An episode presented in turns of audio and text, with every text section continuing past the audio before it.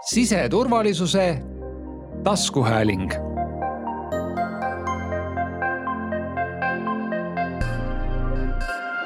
tere, armsad kuulajad! olete sisse lülitanud siseturvalisuse taskuhäälingu järjekordse saate.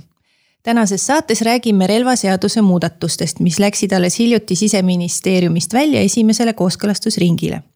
mina olen Kersti Ringmets siseministeeriumist ja stuudios on minuga Veiko Kommussaar, siseministeeriumi sisejulgeoleku, korrakaitse ja migratsioonipoliitika asekantsler. tere, Veiko. tere päevast.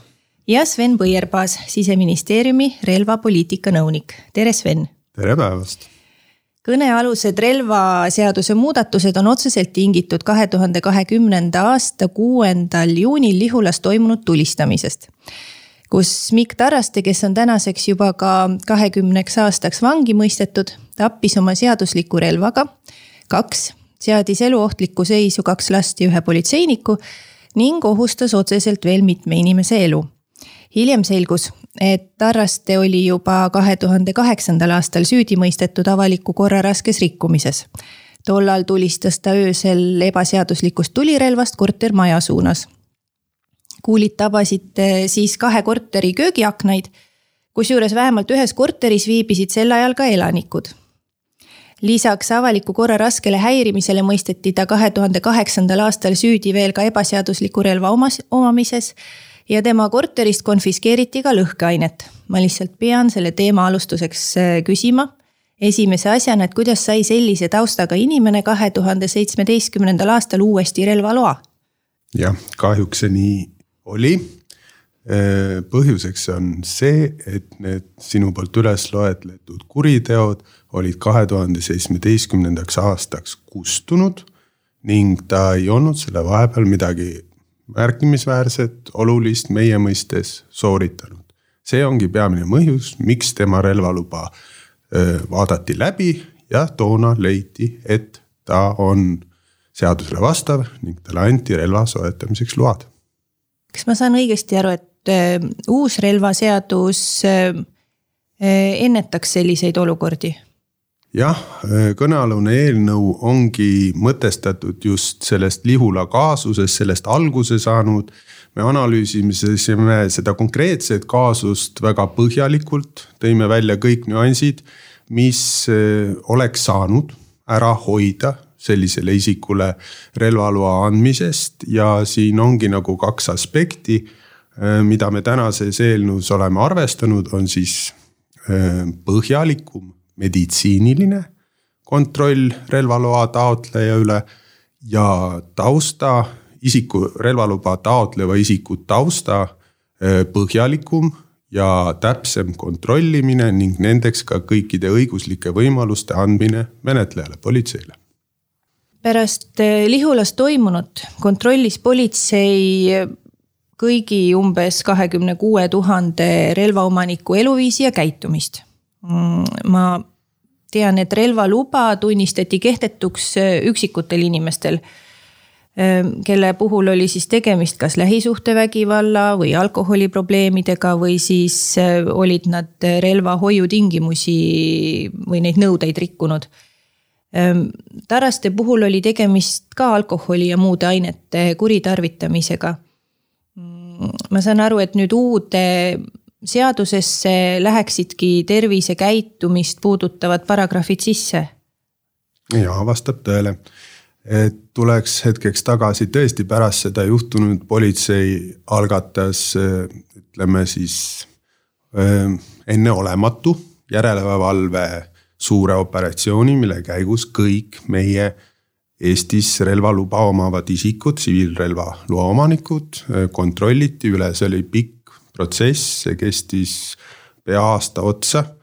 selle käigus võeti kõik relvaloa omanikud uuesti luubi alla, vaadati üle, õnneks leiti tõesti, nagu sa mainisid, üksikuid inimesi, kuigi need ka, need on väga olulised, kes olid siis tõesti rikkunud seadust või nende eluviisid ei vastanud tollel kontrollimise hetkel Ehm, ütleme siis relvaomanikule seatud standardile ning nende relvaload tunnistatigi kehtetuks või peatati vastavalt siis rikkumisele. mis puudutab nüüd eelnõud, eelnõuga antakse tõesti menetlejale hoobasid juurde. seesama, see masskontroll, mis tehti nagu eelmisel aastal relvaomanike seas läbi. Mm, selle baasilt politsei uuendas, kaasajastas ka suures osas ütleme siis menetlusjuhist, mille, millest siis juhindubki eh, menetleja, kui ta vaatab läbi siis seda relvaloa taotlust. ja sinna lisandusid mõnedki olulised uued aspektid, mida nad, millele peab menetleja tähelepanu pöörama. ja, ja samas seesama eelnõu annab ka menetlejale õiguse karistusregistris taotleda andmeid taotleja kohta, mis on juba arhiivi kantud, mida senini nagu ei olnud. nii et antud juhul täna või pärast seda, kui eelnõu on vastu võetud, menetlejal on õigus näha kõiki rikkumisi läbi aegade, mis taotlejaga on ennem tehtud. et too hetk, kui see kahe tuhande seitsmeteistkümnendal aastal selle kurjategija relvaluba vaadati läbi, seda ei olnud tollel hetkel. ja ma enda poolt võib-olla mõned asjad siia lisaksin. kui nüüd tulles eh, korra nagu tagasi vaadates, politsei poolt eh, tehtud töö tegelikult pooleteist aasta jooksul relvaloa omanikud kõik üle kontrollida. Kas eh, relvaloa andmise alused on jäänud sisuliselt samaks või on seal olnud mingisuguseid muid põhjuseid äravõtmiseks, noh äravõtmisi on ka olnud tegelikult ühest küljest see näitas äh, ka seda, et, äh, et need otsused äh, suures joones, mida politsei tegelikult varasematel aastatel relvaomanike kohta on teinud, on olnud asjakohased. võiks öelda, et meil kindlasti on see turvatunne on kindlasti olemas, et need inimesed, kes on täna ütleme ühiskonna mõttes ohtlikuma vahendi enda kätte saanud või seda taotlenud, siis kas jahipidamiseks või spordi tegemiseks või kasvõi iseenese kaitseks. siis eh, siin eh, noh, see kindlustunne kindlasti on olemas, et need inimesed, kes selle relva on saanud, on siis väärt seda tegelikult ka saama, et neil ei ole olnud. enamikel neist ei ole olnud siis mingisuguseid selliseid kaasuseid, mis oleks selle loa andmise nagu kahtluse alla seadnud. küll teatud erandiga ja, ja tegelikult ka Mikk Taraste lugu, millesse muudatused on tegelikult täna ellu kutsutud näitavad ka, näitasid ära ka selle koha, et äh, süsteemis on olnud äh, puudujääke, mida me oleme siis asunud äh, parandama. Sest noh, lõppkokkuvõttes on see, et millise minule kätte oleva, kättesaadava informatsiooni pealt ma tegelikult saan selle otsuse teha. et üks on seesama eluviiside hindamise küsimus, et kuidas ma näiteks naabritega läbi saan, kas ma, kas ma õhtuti koju minnes olen, ma ei tea, oma perekonnaliikmete suhtes näiteks vägivaldne. või ma olen oma muude lähedaste suhtes sihukene vägivaldne. Kas ma, kas ma olen äh, mingisuguste äärmuslike mõtetega, mida ma avaldan näiteks sotsiaalmeedias. mis, mis tegelikult võiks panna nagu selle, selle pirni tegelikult ka põlema, et äh, küsimus on selles, et äh, inimese elus on mingisugune muutus toimunud ja kuidas me sellest muutusest teada saame, et see, et see, see muutus ei muutuks ühiskonnale endale nagu ohtlikuks. Inimesele endale ohtlikuks ja ühiskonnale ohtlikuks, et selleks, selleks ka tegelikult neid muut-, muudatusi vaja on. Soome kaasus siin kahe tuhande kaheksandal aastal puudutas kooli tulistamist, kus kahjuks traagiliselt üheksa õpilast ja õpetajat said surma. tegelikult oli olemas ilmingud ka tolles perioodis selle tulistaja kohta, kus ta sotsiaalmeedias tegelikult sedalaadseid postitusi tegi. Need jäid, need olid küll teada, aga jäid otsuse tegemisel tähelepanuta. ja, ja seetõttu oli ka sellel isikul võimalik siis relva jätkuvalt enda käes hoida.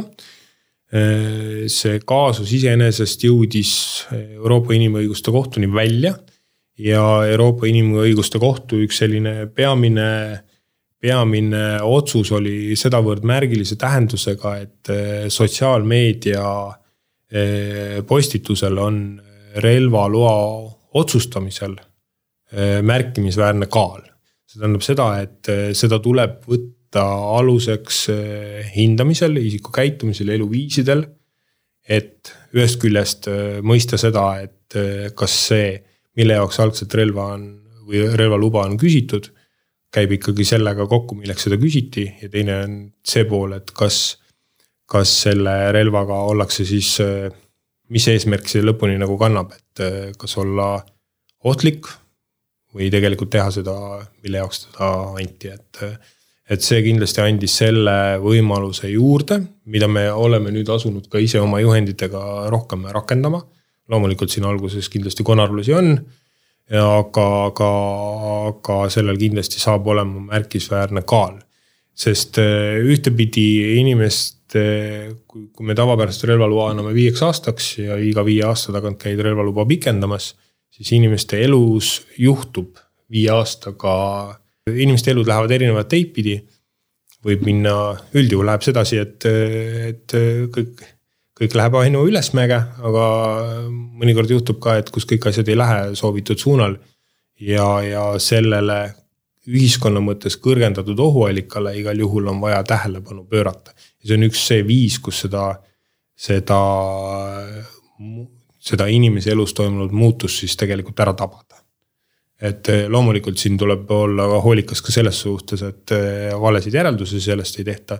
ja kogumise asju hinnatakse, aga see kindlasti üks marker on see relvaloa taotleja ja relvaloa omaniku üle järelevalve taustakontrolli tegemine koosnebki eh, eluviisi hinnangutest ja faktide hindamisest, need mõlemad need faktid tulenevad siis eh, isiku käitumisest, kas siis juba karistusregistrisse kantud eh, kannetest või politsei infosüsteemi kantud mõnest väljakutsest, mõnest muust faktist, mis on toimunud ja teine pool ongi see hinnangute andmine kogutud tõenditele ja mis puudutab ka just seda eluviisi, oma väljendust, oma käitumist, hoolivust ja ohtlikkust, et nendest kahest poolest koosnebki isiku taustakontroll. ja me eelnõuga loodetavasti mõlemad nagu toetame, tugevdame ning need saavad veelgi põhjalikumalt tulevikus tehtud. kui nüüd kõik relvaomanikud läbi või, või üle kontrolliti, siis see oli sihuke erandlik suur operatsioon. aga kuidas tavaliselt äh, relvaomanikke kontrollitakse, kas toimuvad sellised pistelised kontrollid või ongi iga viie aasta tagant äh, lihtsalt relvaloa uuendamine ja vahepeal siis äh, usaldame? senise praktika järgi ütleme sihuke täiskontroll, taustakontrollide kodukülastustega koos ütleme võib-olla seal mingisuguste partnerite küsitlemine, see eh, toimus üks kord siis, vähemalt üks kord viie aasta jooksul, kui relvaluba siis pikendati. Eh, samas eh, meil on olemas automaatsed kontrollid ja meil on ka ütleme vihjekontrollid. automaatne kontroll seisneb selles, et kõik relvaomanikud korra nädalas kontrollitakse läbi karistusregistrist ja läbi selle sinna kantud andmed jõuavad koheselt politseini ning kui isik on mingisuguse teos, ütleme siis süüteos süüdi mõistetud ja need andmed on karistusregistrisse üles kantud, sellest saab kohe politsei relvalubade menetleja teada ning ta astub vastavaid samme sellele, siis kas kaalub relvaloa peatamist või kehtetuks tunnistamist.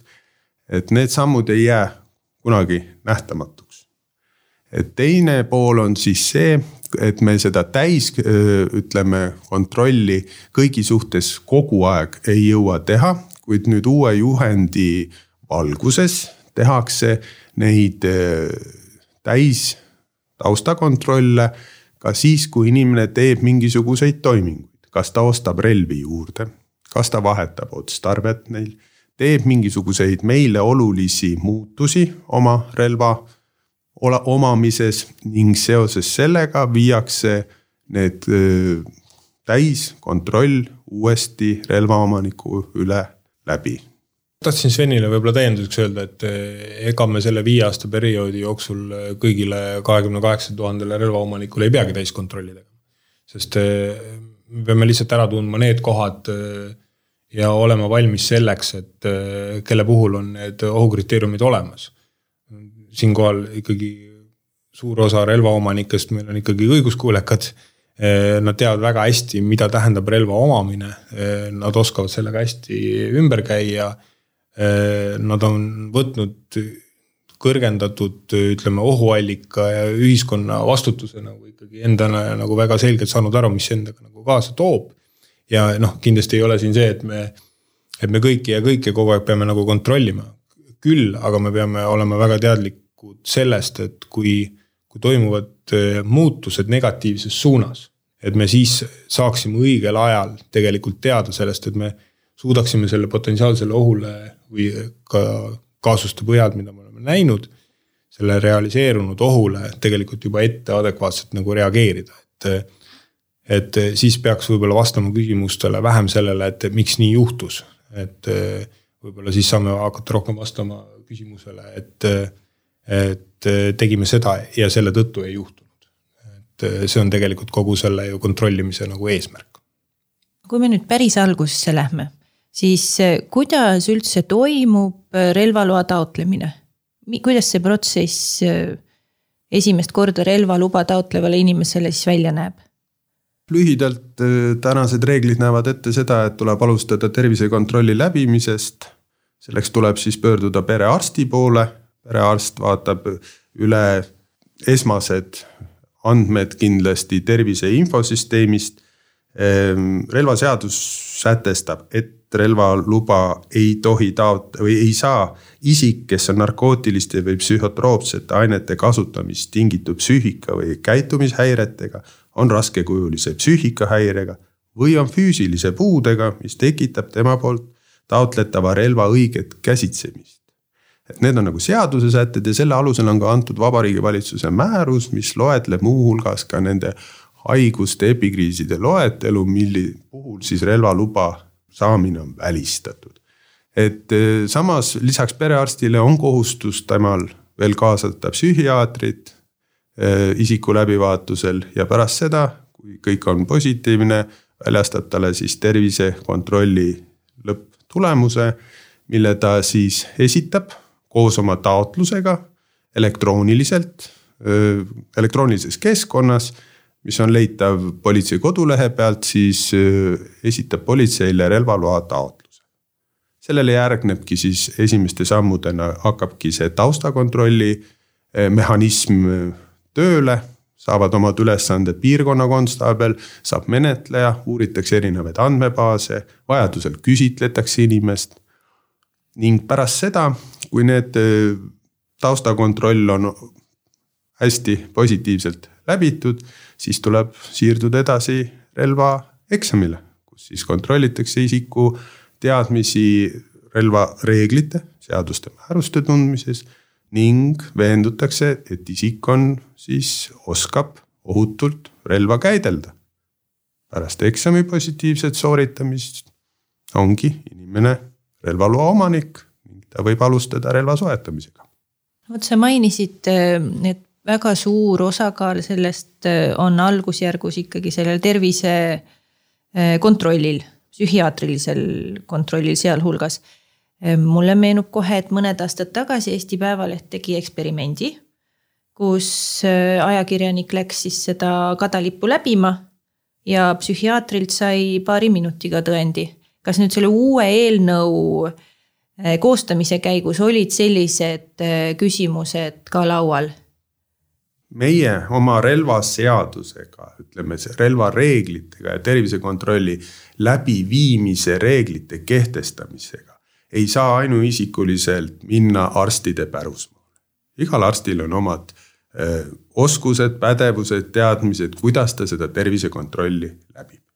samas me saame perearste ja ka psühhiaatreid aidata sellega, et eelnõu kohaselt me öö, kohustame relvaloa taotlejad, see, kes on tervisekontrollis, avama tervisekontrolli läbiviivale arstile kõik asjasse puutuvad tervisetõendid, mis on kantud tervise infosüsteemi. sellist võimalust ei saa olla, et arst peab viima läbi tervisekontrolli, kui isik on sulgenud arsti eest mingisugused teatavad terviseandmed infosüsteemis. selleks hetkeks ta peab arstile need näitama, asjasse puutuvad tõendid ja selle baasilt avama võimaluse perearstil siis hinnata, kas need on asjakohased või ei ole. Samas teine pool selle asja juures on veel see, et pärast seda, kui isik on läbinud tervisekontrolli ja saanud positiivse tervisetõendi, mille alusel väljastatakse, on võimalik politseil siis relvaluba väljastada. et see tõend tulevikus, pärast seda, kui ta on selle saanud, on tervisesüsteemis, infosüsteemis kogu aeg avatud. see oleks signaal kõikidele arstidele, tervishoiuteenuse osutajatele, nägemaks, et see isik või nende mõistes juba patsient võib olla relvaloa omanik. ja kui nemad näevad oma töö käigus mingisuguseid välistavaid terviseilminguid sellel isikul, on nad kohustatud sellest teavitama siis antud juhul esmajärjekorras perearsti ja perearst siis teavitab politseid ning äh, relvaluba siis selleks hetkeks peatatakse, kui veendutakse uuesti tervisekontrolli läbides, et need kahtlused isiku tervise muutumises kas olid siis alusega või alusetud ja vastavalt sellele siis relvaluba kas taastatakse või tunnistatakse kehtetuks. Need on need uued mehhanismid, millega me tänases eelnõus püüame samuti aidata ka arste. et ini-, arstidel tekiks õigus enda poolt väljastatud tervisetõendid peatada põhjendatud alustel ning samas relvaloa taotlejal oleks kohustus avada kõik asjasse puutuvad siis kaardid perearsti või psühhiaatri ees. kuidas see suhtlus täna käib perearsti ja politsei vahel? täna toimub see paberkandjal, tähendab äh, perearst annab tõendi patsiendi või relvaloa taotleja kätte ning viimane peab selle siis digitaliseerima ja, ja esitama politseile omakäeliselt, ütleme siis läbi selle relvaloa taotluskeskkonna. see on järgmine samm, millega täna sotsiaalministeerium pingsalt tegeleb, et see vahekäik ära jätta ning võimaldada siis läbi tervishoiu infosüsteemi perearstil digitaalselt endal edastada see tõend Politsei- ja Piirivalveametile mitte selleks paluda patsienti. nojah, nagu Veiko ütles, viis aastat on piisavalt pikk aeg, et ähm, kõiksugu asju inimese elus ette võiks tulla. et äh, ma saan aru, et ka see tervisetõendi peatamine praegu käib kuidagi käsitööna ja edaspidi võiks ka see käia läbi selle infosüsteemi automaatselt. hetkel tervisetõendi peatamise õigust arstidel ei ole me loome selle eelnõuga relvaseaduses.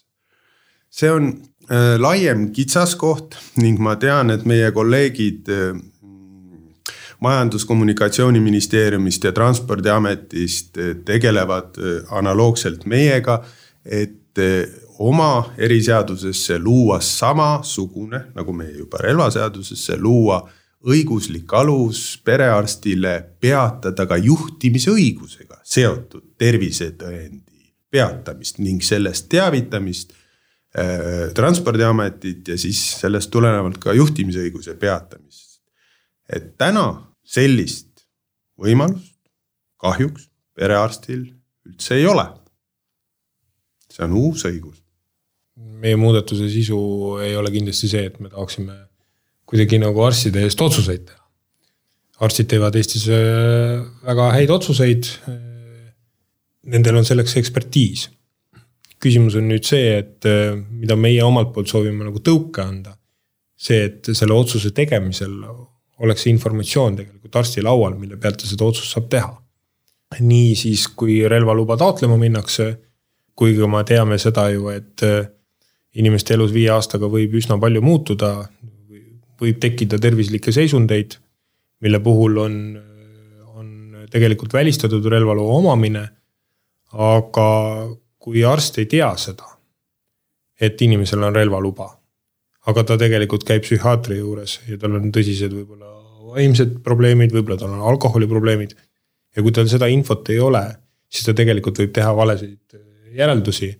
ja, ja ühiskonnas on inimese käes kõrgendatud ohuallikas, mida tal vähemalt sellel perioodil, kui ta enda tervisega tegeleb, tegelikult olema ei peaks. ja, ja, ja see eelnõu tegelikult annab võimaluse see informatsioon otsuse tegemiseks laiemalt kättesaadavaks teha. sama süsteemi sisse küll, aga otsuse tegijal peab olema see informatsioon, muidu tekib, tekivad valed otsused. ja, ja siis me oleme tegelikult algkohas tagasi. et ma küll selle info pealt perearstina näiteks tegin selle otsuse. anda talle see relva, isikule relvaluba, aga mul muu oluline info selle otsuse tegemisega tegelikult puudus ja iga kord ei piisa ainult isiku enda ütlustest, et jah, mul on kõik hästi. Noh, inimene ikka ütleb, et tal on kõik hästi, isegi kui tal ei pruugi alati kõik hästi olla. aga siin äh, valemis ähm, relva taotleja või relv, relvaloa taotleja ja menetleja ehk siis äh, politseiametnik. Ähm, kas siin võiks tegelikult olla ka mm, ühiskond politsei kindlasti võtab väga selgelt, on võtnud äh, selle joone, et kui on informatsiooni sellegi kohta või see juhtub äh, mingisugusel äh, momendil, näiteks meil siin linnatänavatel või muudel juhtudel, kui tegemist on relva kasutamisega, siis väga selgelt, väga otsekohe ja väga sirgejooneliselt tegelikult nendele sündmustele, infodele reageeritakse kuna tegemist on äh, kõrgendatud äh, ohuallikaga, mille kasutamisel äh, võib keegi surma saada. Või mille kasutamisel võib, võidakse toime panna mingi väga raske kuritegu. ja sellele igal juhul reageeritakse. ja kui inimestel on selle kohta teavet, siis seda ei tasu häbeneda ja endale jätta. sellepärast, et need asjaolud tegelikult on vaja selgeks saada, miks selline asi sellel taustal juhtus. Kasvõi sinu enda poolt toodud näide, et eh, kui on teada, et toimus paugutamine. noh, tegelikult seda paugutamist peab eh, uurima, välja selgitama, sellepärast et eh, selle paugutamise tagajärgi me tegelikult kõik ühiskonnana tundsime. et, et need ei saa jätta tähelepanuta jätta. ma tooks siia veel paralleeli sellesama joobes juhtimisse, juhtimisega, et et meie ühiskond on nii palju arenenud ja, ja me mõistame seda, et eh, kui me näeme kedagi teist, eh, ütleme joobes, joobe tunnustega inimest istuma eh, autorooli ja kui me, kas me ei saa või, või ise sinna sekkuda, me anname sellest politseile teada, siis see ei ole pealekaebamine või mingisugune kiusamine või tegemine, see on tegelikult kellegi võimalik, et elu päästmine või mingisuguse suurema õnnetuse ärahoidmine. et tänaseks on nagu inimesed sellest võib-olla eelmise riigikorra aegsest tagast ja, ja kõikide ütleme sihukese Äh, politseile või miilitsale vihjamisele nagu pealekaebamismärgist nagu lahti saanud, et see on.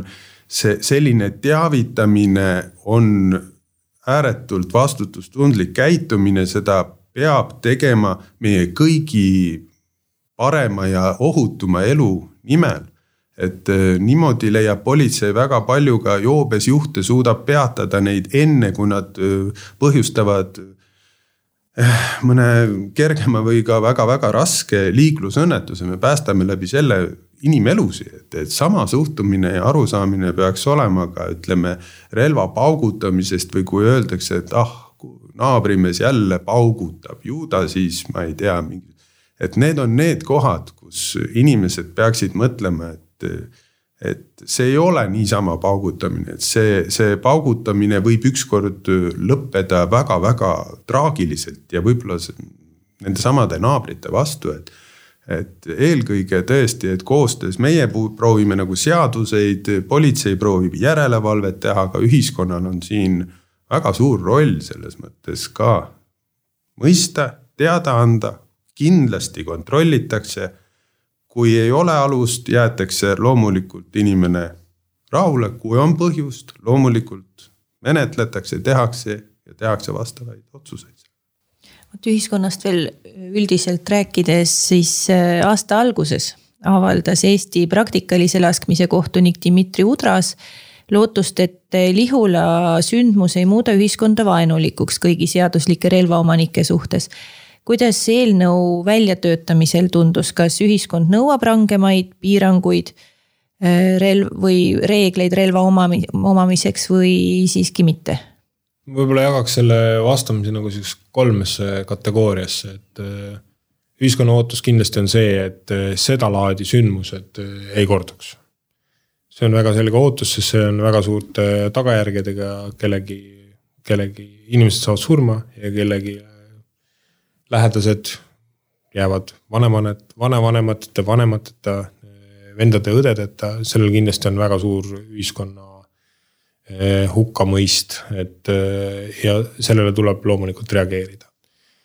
nüüd eh, teine pool ühiskonnas, jahimehed, sportlased tegelikult on ju väga hinnatud, et selles ei ole ju mingitki küsimust, et jahimees saaks jahti pidada, jahimehi on vaja. Nendel on väga selgelt olemas ka enda selline kogukonna tugi, toed, seltskonnad, kus nad siis koos seda sedalaadi siis tegevust peavad või hobi või kuidas me seda nimetame, et. Äh, ja, ja seal ma ütleks, et see vastutustunne on väga selgelt olemas, et äh, ühtepidi kõik see, mida reeglitega kehtestatakse, aga veel tähtsam on see, et neil on enda, enda sisemine sihukese väärtused ja, ja see ikkagi väga hästi nagu paigas. kindlasti sportlased, sporti tegema peab saama ja inimestele meeldib sporti teha ja kui laskesport on üks neid äh, võimalikke hobisid siis äh, loomulikult äh, meil oleks kõigil hea meel, kui mõni laskesportlane on ta siis kas suusa, suuskadega või suusta, suuskadeta tegelikult tooks mõne medali Eestile, et äh, loomulikult siin on ühiskonna tugi olemas. ja mis puudutab isiku ja enda kaitseks, loomulikult Eestis ei ole turvatunne inimestel sugugi madal, meie ühiskonnas turvatunne on väga kõrge. ja ühiskonna, inim-, ühiskonnaliikmed tunnevad Eestis ennast turvaliselt aga teisalt ka turvatunne on natukene subjektiivne, et. et kui mõni inimene turvatunde paremaks tekitamiseks soetab ka omale isiku või varakaitserelva. loomulikult, ta peab seda saama teha, kui see annab talle nagu lisakindlust. et ta tunneb ennast ühiskonnas äh, turvaliselt ja hästi, et. et ma arvan, see on sihuke kahetine, et äh, adekvaatsed äh, sündmused, need inimesed, kellel kellel eh, ei ole head kavatsused või kelle eluteel on läinud niimoodi, et eh, on jõudnud iseendaga pahuksisse või, või ühiskonnaga pahuksisse, siis tegelikult neil ei peaks olema seda relva. kõigil teistel, kes, kes relva soovivad omada, loomulikult igal juhul peaks see võimalus olema. ja, ja need muudatused, mis siin ka ellu on kutsutud, see mingil juhul seda ka piiramas ei ole ma vaatasin, et seaduseelnõu puudutab lisaks ka Euroopa Liidu liikmesriikide vahelist infovahetust. mis äh, selles osas nüüd siis uue eelnõuga muutub ja mis see meile annab?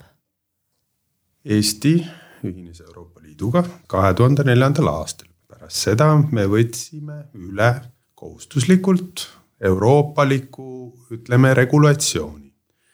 terves Euroopas on tulirelvade käitlemisele järjest rohkem, turvalisele käitlemisele järjest rohkem tähelepanu pööratud. info mm, vahetamine liikmesriikide vahelt on tänu tehnika arenemisele kolinud ju elektrooniliseks. ja väga palju vahetataksegi infot siiani nagu meilide teel või muude kontaktide teel. nüüd Euroopa Komisjon paari aasta eest kutsus ellu, ühesõnaga kasutab ka siis tööjõu vaba liikumise kanaleid ehk IMI andmebaasi, siis ka relvadealase informatsiooni liikmesriikide vahel vahetamiseks. juba paar aastat me relvade piiriülese liikumisega edastame selle kanali kaudu partneritele informatsiooni. Kust mingisugune relvakaup või saadetis liigub, millal ta alustab liikumist ühest riigist, et ta täiskomplektina ka teise riiki jõuaks ja jälgitakse relva teekonda ühest kohast teise. antud eelnõuga nüüd lisandub veel üks info vahetamise osa selles suhtes et eh, me hakkame kolmekümne esimesest jaanuarist järgmisest aastast vahetama liikmesriikide vahel infot isikute kohta, kellele on relvaluast keeldutud. kas siis eh, õigu-, eh, selles mõttes ebausaldusväärsusega või julgeoleku aspektidest. et see info on öö, mitte üldsõnaline, aga ta on sellise laia formaadiga see info pannakse ülesse, see on isikustatud info. Ning kui mingisuguse teises liikmesriigis taotleb antud isik siis relvaluba, kellele näiteks Eesti on keeldunud, siis teine liikmesriik võib võtta meiega täiendavalt ühendust, selgitada välja kõik detailid, miks Eestis sellele isikule sellel ajahetkel relvaloa väljastamisest keelduti võrrelda oma riigi õigusaktidega, reeglitega. Kui need kattuvad, siis tekib ka teisel liikmesriigil õigus keelduda nendel alustel, mis toimusid antud juhul siis nagu Eestis. et selline infovahetus isikute kohta on nüüd tõesti esmakordne, see on järgmine samm, välistamaks seda, et meie suures liidus inimesed liiguvad, rändavad, kõikides liikmesriikides eh, saavad relvalube taotleda ka mittekodanikud, ka välismaalased teatud erinevatel tingimustel.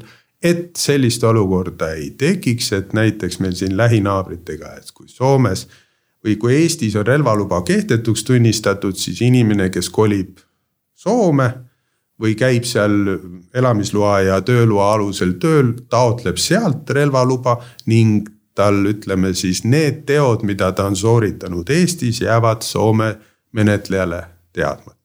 See on see nüüd süsteem, mis rakendub, mis annab informatsiooni, kuid ei kohusta teist riiki, aga see on lihtsalt täiendava info andmiseks. kui me võrdleme Eestit muu Euroopaga, siis kas Eestis on pigem rangemad nõuded relvaloa saamiseks või oleme me pigem, anname kergemalt relvaloa? minu hinnang on see, et need inimesed, kes Eestis tahavad relva omada erinevatel eesmärkidel, neil kõigil on võimalus olemas.